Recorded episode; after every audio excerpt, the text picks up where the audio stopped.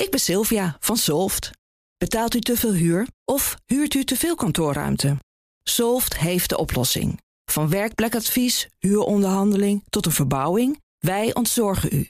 Kijk voor al onze diensten op soft.nl.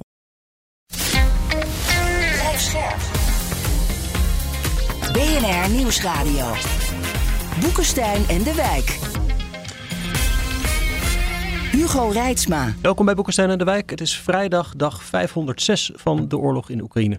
Van het front eigenlijk niet veel meer nieuws dan wat we de hele tijd al horen. Uh, Oekraïne probeert in drie richtingen uh, op te trekken, boekt waarschijnlijk een kleine beetjes vooruitgang. Oekraïne heeft gezegd dat de door de VS toegezegde clustermunitie is ontvangen.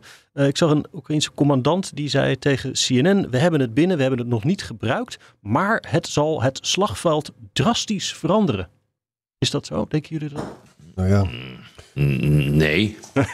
Nee, kijk, iedere keer, iedere keer uh, horen we dat er een gamechanger opkomst is. Dan heet het weer de HIMARS. En nu is het weer de clustermunitie. Later moet het weer de E-TECMS worden met een lange afstandsbereik. Echte gamechangers uh, uh, zijn er denk ik niet op dit ogenblik op het slagveld. de echte gamechanger wordt als onder andere met hulp van die clustermunities de Oekraïners in staat zijn om door die uh, fortificaties en die mijnenvelden heen uh, te breken. En mm -hmm. uh, de Russen dus op een donder te geven. en, en dan ja, naar het achterland door te stoten. Dat is een, dat is een gamechanger. Maar wat je nu ziet is dat al die wapensystemen die zijn geleverd, die spelen allemaal een belangrijke rol. Maar er is niet één doorslaggevend. En dat zal mm. denk ik in mijn optiek ook niet gaan gebeuren met die, met die klussenmunitie. Die... Het is wel denk ik redelijk effectief. Uh, tegen uh, uh, soldaten die zich hebben ingegraven. Maar tegelijkertijd ja, moet je, moet je ook constateren wat de echte reden is waarom dat spul geleverd is. Dat is niet omdat het zo effectief is, maar omdat de rest er gewoon niet meer is. Ja, ja. Ja, er zijn tekorten op munitiegebied. En daarom, het is, een, het is een oplossing die eigenlijk niemand wil. Maar ja, waarvan de Amerikanen nu zeggen van moet, het moet maar. Waarop dat betekent dus ook dat er een scenario mogelijk is waarbij er geen doorbraak komt in de komende maanden. Oh, zeker. Ja, ik zou daar geen, uh, geen goede fles wijn op uh, durven te zetten hoor, wat er gaat uh, gebeuren. Hm. Echt niet.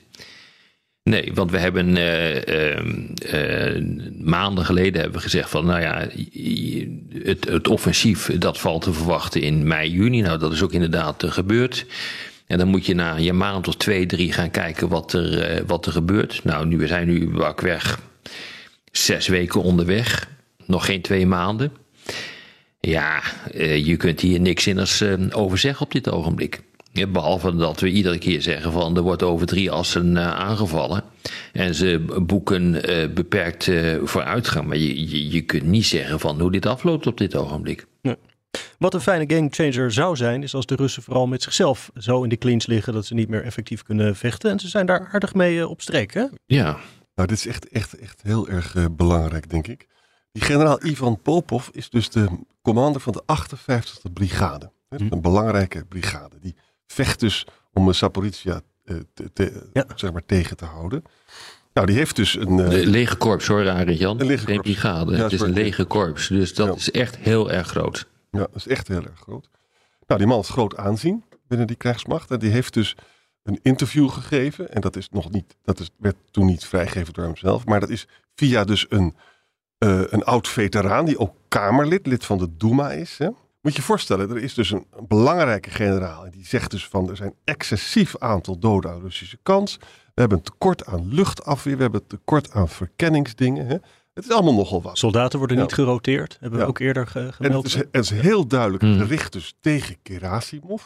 Dus we hebben allemaal Prigozhin revisited. Ja. Maar nu verder een andere generaal, een nog veel belangrijkere generaal die in de krijgsmacht zit. En nu komt dus de vraag, wat is nou toch allemaal aan de hand? En daar kan je ook aan verbinden. Niemand weet waar Prigozhin is en niemand weet waar die is. Dus kennelijk is er toch een deal gesloten met Poetin, dat hij dus vrij kan rondlopen. De, de scheuren in het Kremlin worden dieper en dieper. Hm. En dit lijkt me zeer Ja, verontrustend. wat, wat, wat, wat, wat bijzonder is met die Popov is, is dat hij dus. Eh, dat is de reden waarom hij aan de kant is geschoven. hij zou direct naar het Kremlin willen gaan om zijn beklag te doen over Gerasimov. Ja. Als commandant, de oppercommandant van de, de troepen in Oekraïne. En hij is door Poetin is hij benoemd, Gerasimov. En het interessante natuurlijk is, is dat die Popov zich nu kant tegen, tegen Gerasimov. Ja. Maar dat hij dus daarmee komt te staan in een heel rijtje. Ja. Prigozhin was de eerste. Dan hebben we Zelensky. Dat is een, een, generaal, en die kennen we ook. Dat is een, de ex-commandant van de luchtlandingseenheden. die is ook ontslagen. dat duidde ook op spanningen binnen de legertop. Nou, Prigozhin heb ik net genoemd. generaal Mizentsev, uh, logistieke baas, die is er uitgedonderd. Uh, en Shurovkin, uh, die is in één klap van het toneel verdwenen. En die zou hebben geweten van wat Prigozhin heeft gedaan. Dus het is niet oké hoor. En de Wall hm. Street Journal die meldde dat er 13 officieren zijn opgepakt en 15 die zijn er ontslagen. Er is echt wat aan de hand en we weten niet wat, wat dat is. We weten ook dat dat niet een direct effect heeft op uh, de mogelijkheid om die oorlog te voeren uh, van Rusland tegen Oekraïne. Uh, maar dat er onvrede is, is een ding dat zeker is. Het doet een beetje denken, jongens, aan wat Stalin deed hè, voor de Tweede Wereldoorlog. Met al die, die was zo paranoia dat hij generaals at random neerschoot. Oh ja, ja. Kijk, luister, er is ook nog een, een andere generaal, Oleg Chokov, is dus is doodgeschoten met zo'n Shadow Storm. Hè? Ja. Het lijkt mij dus dat de militaire leiding. Storm Shadow, ja. Is, is niet erg, erg consistent. Nou, laat ik, laat ik het zo formuleren. Mhm. Dus we weten niet wat het effect is, maar het kan zijn dat, dat, dat de Russische manoeuvres dus daardoor worden bemoeilijkt, om het zomaar eens te zeggen. Ja. ja? Interessant bericht uh, trouwens in dit verband ook dat het Pentagon zegt dat Wagner niet of nauwelijks meer meevecht in, uh, in de oorlog tegen Oekraïne. Dat de meeste Ja. strijders nog wel Ja. in het door Rusland Ja. bezette deel van Oekraïne zijn, maar kennelijk eh, niks aan het doen. Ja, lijkt me ook onhandig. Toch? Ja, Want die, die- Ja, dat, dat, dat, ben ik het met je eens. Ja. Ja. Ja, nou ja, kijk, het is heel lastig om aan te geven eh, wat, hier, eh, wat hier nou de effecten van zijn. Kijk, één ding is zeker, wat Popov heeft eh, gezegd en eh, zijn beklacht heeft gedaan in die vier minuten tellende audioboodschap aan zijn eigen troepen en zijn eigen ondergeschikten, is dat hij heeft gezegd, ik moest liegen uit jullie naam Ja. en ik kon niet vertellen wat, wat de problemen zijn. Ik mocht dat niet vertellen. De problemen zijn. Toen legde hij dat uit in die audioboodschap. Namelijk, ehm, we hebben een probleem met het opsporen van artillerie. We hebben een, een probleem met het uitschakelen van de artillerie van de Oekraïners. En we hebben een probleem, eerder hebben jullie dat ook gezegd, ehm, met betrekking tot de rotatie van eh, troepen. Dat is allemaal gezegd. Ja. Mocht hij allemaal niet zeggen. Dus er zit iets fundamenteel fout, althans inderdaad in dat westelijke deel van, dat Zaporizhia, van die Zaporizhia Oblast. Eh, daar zit echt gewoon iets fout. Ja, tot nu toe kunnen we niet zien dat het ook daadwerkelijk effect heeft op het slagveld, want de Oekraïners komen er niet doorheen. Ja. En de militaire bloggers, jongens, dat is een belangrijke oppositiebeweging, die dus af en toe ook bij Poetin op bezoek komen, weten we. Hè? Die zijn dus ontzettend boos Ja. dat Popov ontslagen is. Dus de destabilisering gaat dus door. We weten ook dat Gerasimov is niet ontslagen door Poetin. Dus wat is Poetin aan het doen? Poetin houdt Prigozhin met een deal toch kennelijk overeind. Nee, hij kan dat niet, niet aanpakken, kennelijk. Gerasimov, die wil hij niet ontslaan, want het is zijn man. Maar het is ook evident dat Gerasimov niet competent is. Ik vind het dat, dat Poetin er niet sterk voor staat. Maar de ellende is, en wat Nee. natuurlijk ook zegt, dat, dat, dat voor het slagveld hoeft het nog niks te betekenen. Nee, weet je wat een ander punt is? Eh, eh, wat ik echt heel, heel. Ik heb dat heel nauwkeurig zitten, zitten lezen. Jullie kennen allemaal nog Igor Girkin. Ja, ja, ja, ja. ja. Eh, dat is eh, een, eh, een ex-kolonel van de militaire inlichtingendienst van, ehm, eh, van Rusland. Die was de minister van Defensie van dat zelfbenoemde Volksrepubliek Donetsk. En die is ook in het kader van de MH17-affaire eh, eh, veroordeeld tot levenslang. Dat is een belangrijke blogger. Eh, is een belangrijke stem in die hele discussie. En die heeft eh, het een en ander nu gezegd. Op volgens mij was het op een Telegram-kanaal. Die heeft gezegd: ja, er is eigenlijk toch wel een soort eh, insubordinatie aan de gang tegen Poetin. Een soort rebellie. En die is eh, aangejaagd eh, door eh, Prigozhin. Zijn conclusie is: als die zou zijn geslaagd, die rebellie. dan zouden we nu een enorme machtsverschuiving hebben gezien in het, eh, in het Kremlin. En eh, wat ik echt grappig vind, of grappig, nou, dat is eigenlijk niet, nee, dat is niet het juiste woord. Maar er wordt nu een relatie gelegd met de Ozero Dacia Coöperatie. Ooit van gehoord? Nee. Nou, waarschijnlijk niet. Maar die Ozero uh, Dacia Coöperatie, uh, toen ik dat las, toen gingen bij mij alle alarmbellen rinkelen. Dat is een, uh, een, een coöperatie, een vastgoedcoöperatie, die in 1996 is opgericht in Sint-Petersburg. en in Sint-Petersburg kwamen Poetin en zijn trouwste bondgenoten bij elkaar. En die zijn toen een, een vastgoedonderneming uh, uh, begonnen om Dacia's te kunnen maken. En daar kan, kunnen ze ook hun geld instorten. En het is ongehoord profijtelijk. Dus als het gaat om een, model, een verdienmodel van, voor Poetin en extra inkomsten, dan moet je daar ook naar kijken, naar die Ozera-coöperatie. die werd overigens in die tijd beschermd uh, om maar even aan te tonen van hoe het werkt daar, door de Tambov-bende. Uh, en die uh, werkte samen met de KGB om de haven van Sint-Petersburg onder controle uh, te houden. Nou, wat we nu zien is, en dat zegt Igor Gerkin, die toch door de bank genomen redelijk goed is geïnformeerd, mm -hmm. die zegt er zijn nu mensen binnen die coöperatie uh, die zeggen van nou, we gaan ons maar eens keren tegen Poetin. Dit willen we niet. daar zit bijvoorbeeld de, de plaatsvervangend chefstaf van de presidentiële administratie zit erin. De bankier van Poetin, Kovalchuk van de Rossia Bank en nog wat van die types. En die, en die dat, dat schuift. En dit is een deel van de machtsbasis van, van Poetin. Of het waar is, weten we niet. Maar we weten wel dat Igor Gerkin door de man genomen redelijk goed geïnformeerd is. Ja. Fascinerend. Hey, uh, fascinerend en Ja, leuk fascinerend. dit soort oneenigheid uh, aan de Russische kant. Maar we hebben, lijkt het, uh, aan de westerse kant ook wel wat vervelende oneenigheid gezien rond de top in Vilnius tussen president Zelensky en het Westen. Dat, dat, dat, leek toch wel op een gegeven moment echt serieuze irritatie. Of is dat, hoort dat er allemaal bij? denken jullie? Nee, ik vind dat er niet bij hoort. Wat vind jij, Arend Jan? Nee, dat is. Uh, ja, je kan er veel over zeggen. Wat ik zelf denk is dat. Eigenlijk is het gewoon een, is een fout. Hè? Rutte noemde het onbehulpzaam. Dus hij heeft niet goed ingeschat dat dat zoveel irritatie op. En nou denk ik dat hij dat heel goed weet dat dat tot irritatie leidt. Dus kennelijk vindt hij zelf, is zijn inschatting en van zijn generaals ook, het gaat militair niet goed. Het gaat niet goed met het huidige wapens die we hebben. En dat betekent, en we willen ook absoluut dat NAVO-lidmaatschap hebben, want anders dan uh, hebben we geen verzekering. En daar reageerde Zelensky verbolgen op, uh, om, ja. om, om, het maar zacht uit te drukken. Ja, dus, en, en hij is ontzettend bang dat als ik het niet krijg, en ik er straks een staakt het vuren, en er is geen automatisme, want dat wil Biden niet, en dan krijg ik een neutraliteitsstatus krijg ik in mijn, in mijn nek. Hm. En dan gaat Poetin na tien jaar ja. weer beginnen. Ik denk dat dat de grote angst is. En de, en de wanhoop? Uh, ben Wallace, de, de minister van, uh, van Defensie van, uh, van Engeland, die zei: Nou, een beetje dankbaarheid maar zou ook wel mogen.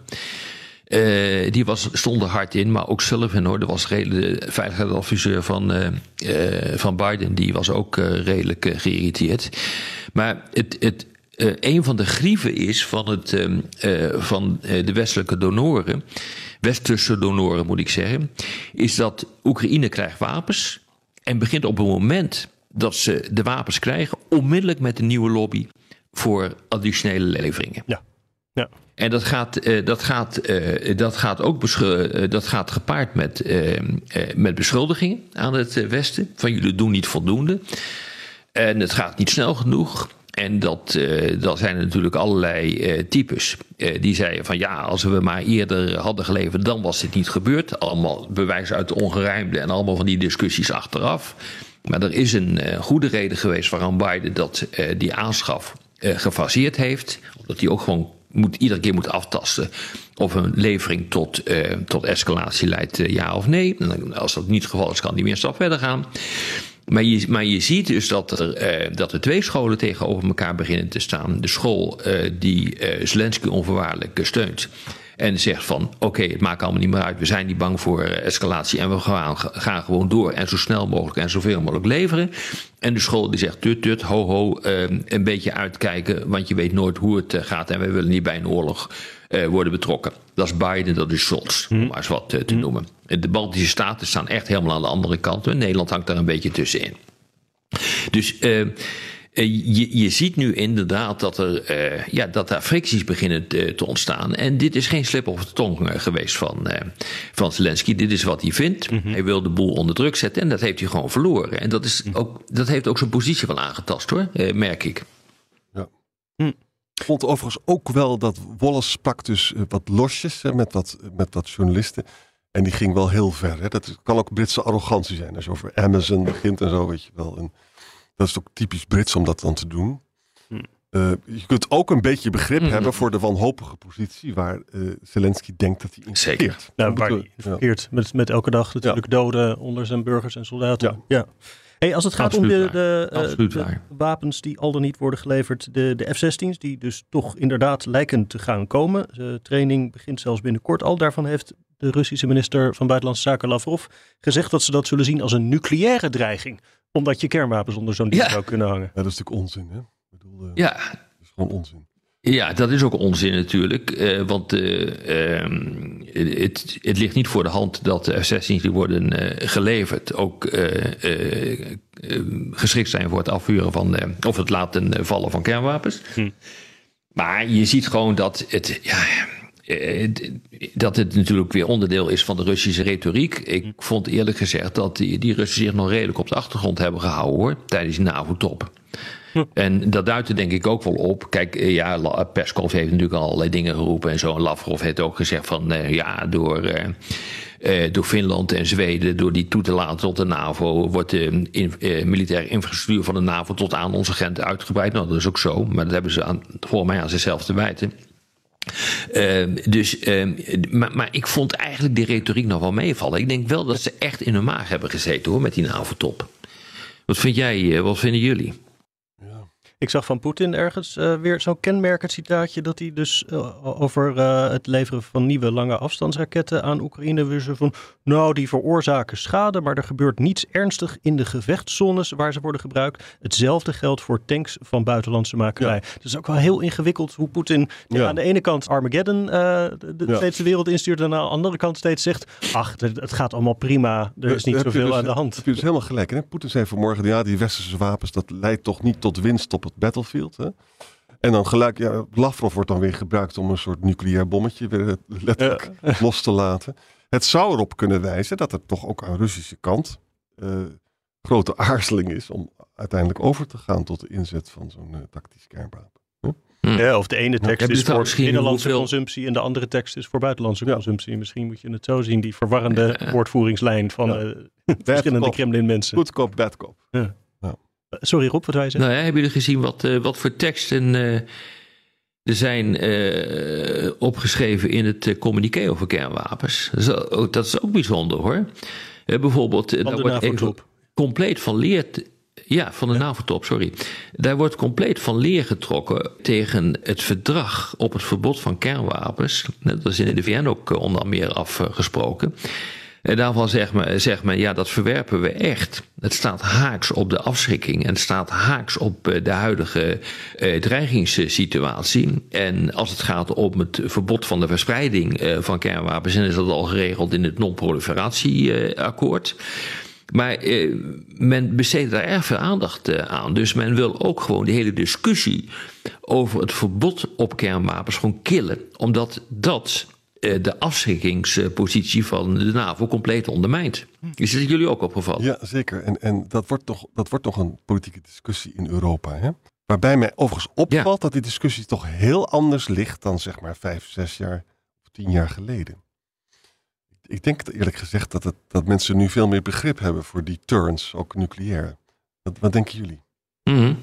Toen ik Ja, ik Kamerlid denk was, dat je daar helemaal gelijk in hebt. toen ik Kamerlid was, jongens, was er bijna een meerderheid tegen. Mhm. Aangevoerd door de Ja. SP. Volgens mij, het is toch gewoon eigenlijk dat ze het dubbel zeggen van we, zouden eigenlijk een wereld zonder kernwapens willen, maar zolang er kernwapens zijn, zal de NAVO altijd een nucleaire alliantie blijven. Dat je dus die twee dingen naast elkaar Dat is wat ze staan. zeggen. Ja.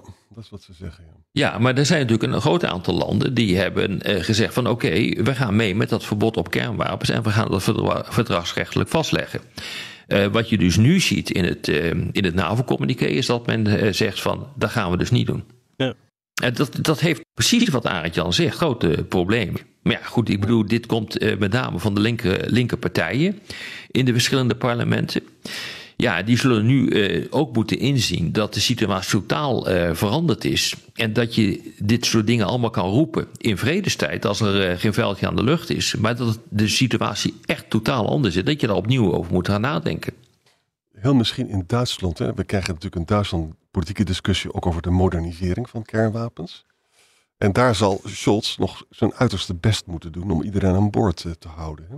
Maar ik hoop, ja. ik hoop dat het uiteindelijk goed gaat, omdat veel meer mensen nu begrip hebben voor de noodzaak tot afschrikking, omdat Poetin gewoon ja. zo'n gezellig mannetje is. Ja. hey jongens, we zitten alweer aardig aan de tijd. Moeten we misschien, uh, nou, misschien nog even noemen dat de graandeal dreigt alweer uh, onderuit te gaan. Ik geloof dat die aanstaande maandag afloopt. Er wordt nog druk over onderhandeld. Ja. Uh, andere dingen nog die we mensen nog eventjes snel moeten melden. Nou ja, dat is wel belangrijk hoor. Ja. Uh, die graandeal. Kijk, die, die, die deal was oorspronkelijk ook uh, door Erdogan uit, uit onderhandeld. Die heeft daar een hele belangrijke rol in gespeeld. Maar nu, ja, ik weet niet wat jullie ervan vinden, maar ik zie niet goed hoe, uh, hoe op dit ogenblik Poetin Erdogan nog iets zou willen gunnen. Oh ja. Oh ja. Uh, dus uh, hij heeft ehm, toegestaan dat een aantal krijgsgevangenen van Rusland, die toevallig in Turkije aanwezig waren, dat die mee konden worden genomen door, door Zelensky toen hij daar op bezoek was. Hm.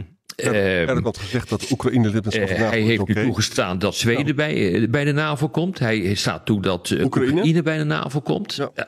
ja. En dat betekent. Dus, en Poetin heeft. is echt een probleem hoor. En Poetin heeft ook oprechte problemen. Hij wil gewoon meer Russisch graan ook verkopen en meer Russische kunstmest. Hij gebruikt het als een leverage. Mm -hmm. Maar dit is interessant, hè? de relatie Erdogan en Poetin is echt dramatisch verslechterd. En laten we wel zijn, Poetin heeft hier dus een sterke kaarten. Want als dat die graandeal. Nu, nu gaat er mondjesmaat gaat er wat doorheen. Volgens mij nog steeds veel te weinig. Dus er komen problemen in Afrika, lijkt me. Dan krijg je, schieten de voedselprijzen weer de, de, ja, de hoogte in. Ja. Lijkt mij wel. Ja. ja. Ja, het gaat om de voedselprijs. Hè. Het gaat dus zoveel gaan vanuit Oekraïne gaat er niet naar Afrika toe. Dus dat is het punt. Het gaat om de voedselprijzen die gaan exporteren. Daar heeft Guterres, de VN-baas, ook op, uh, op gewezen. Ja, dit is echt wel een, dit is echt wel een probleem hoor. Dus uh, daarmee gaat dus uh, Poetin, als hij dus die, die deal niet doorzet. Hij heeft ontzettend veel moeite gestoken in het aanhalen van de banden met de Afrikanen. Ja, dat wordt natuurlijk. Ja, dat wordt, dat ondermijnd hierdoor. En de graan gaat met name naar Egypte ja. en naar Nigeria uit mijn hoofd.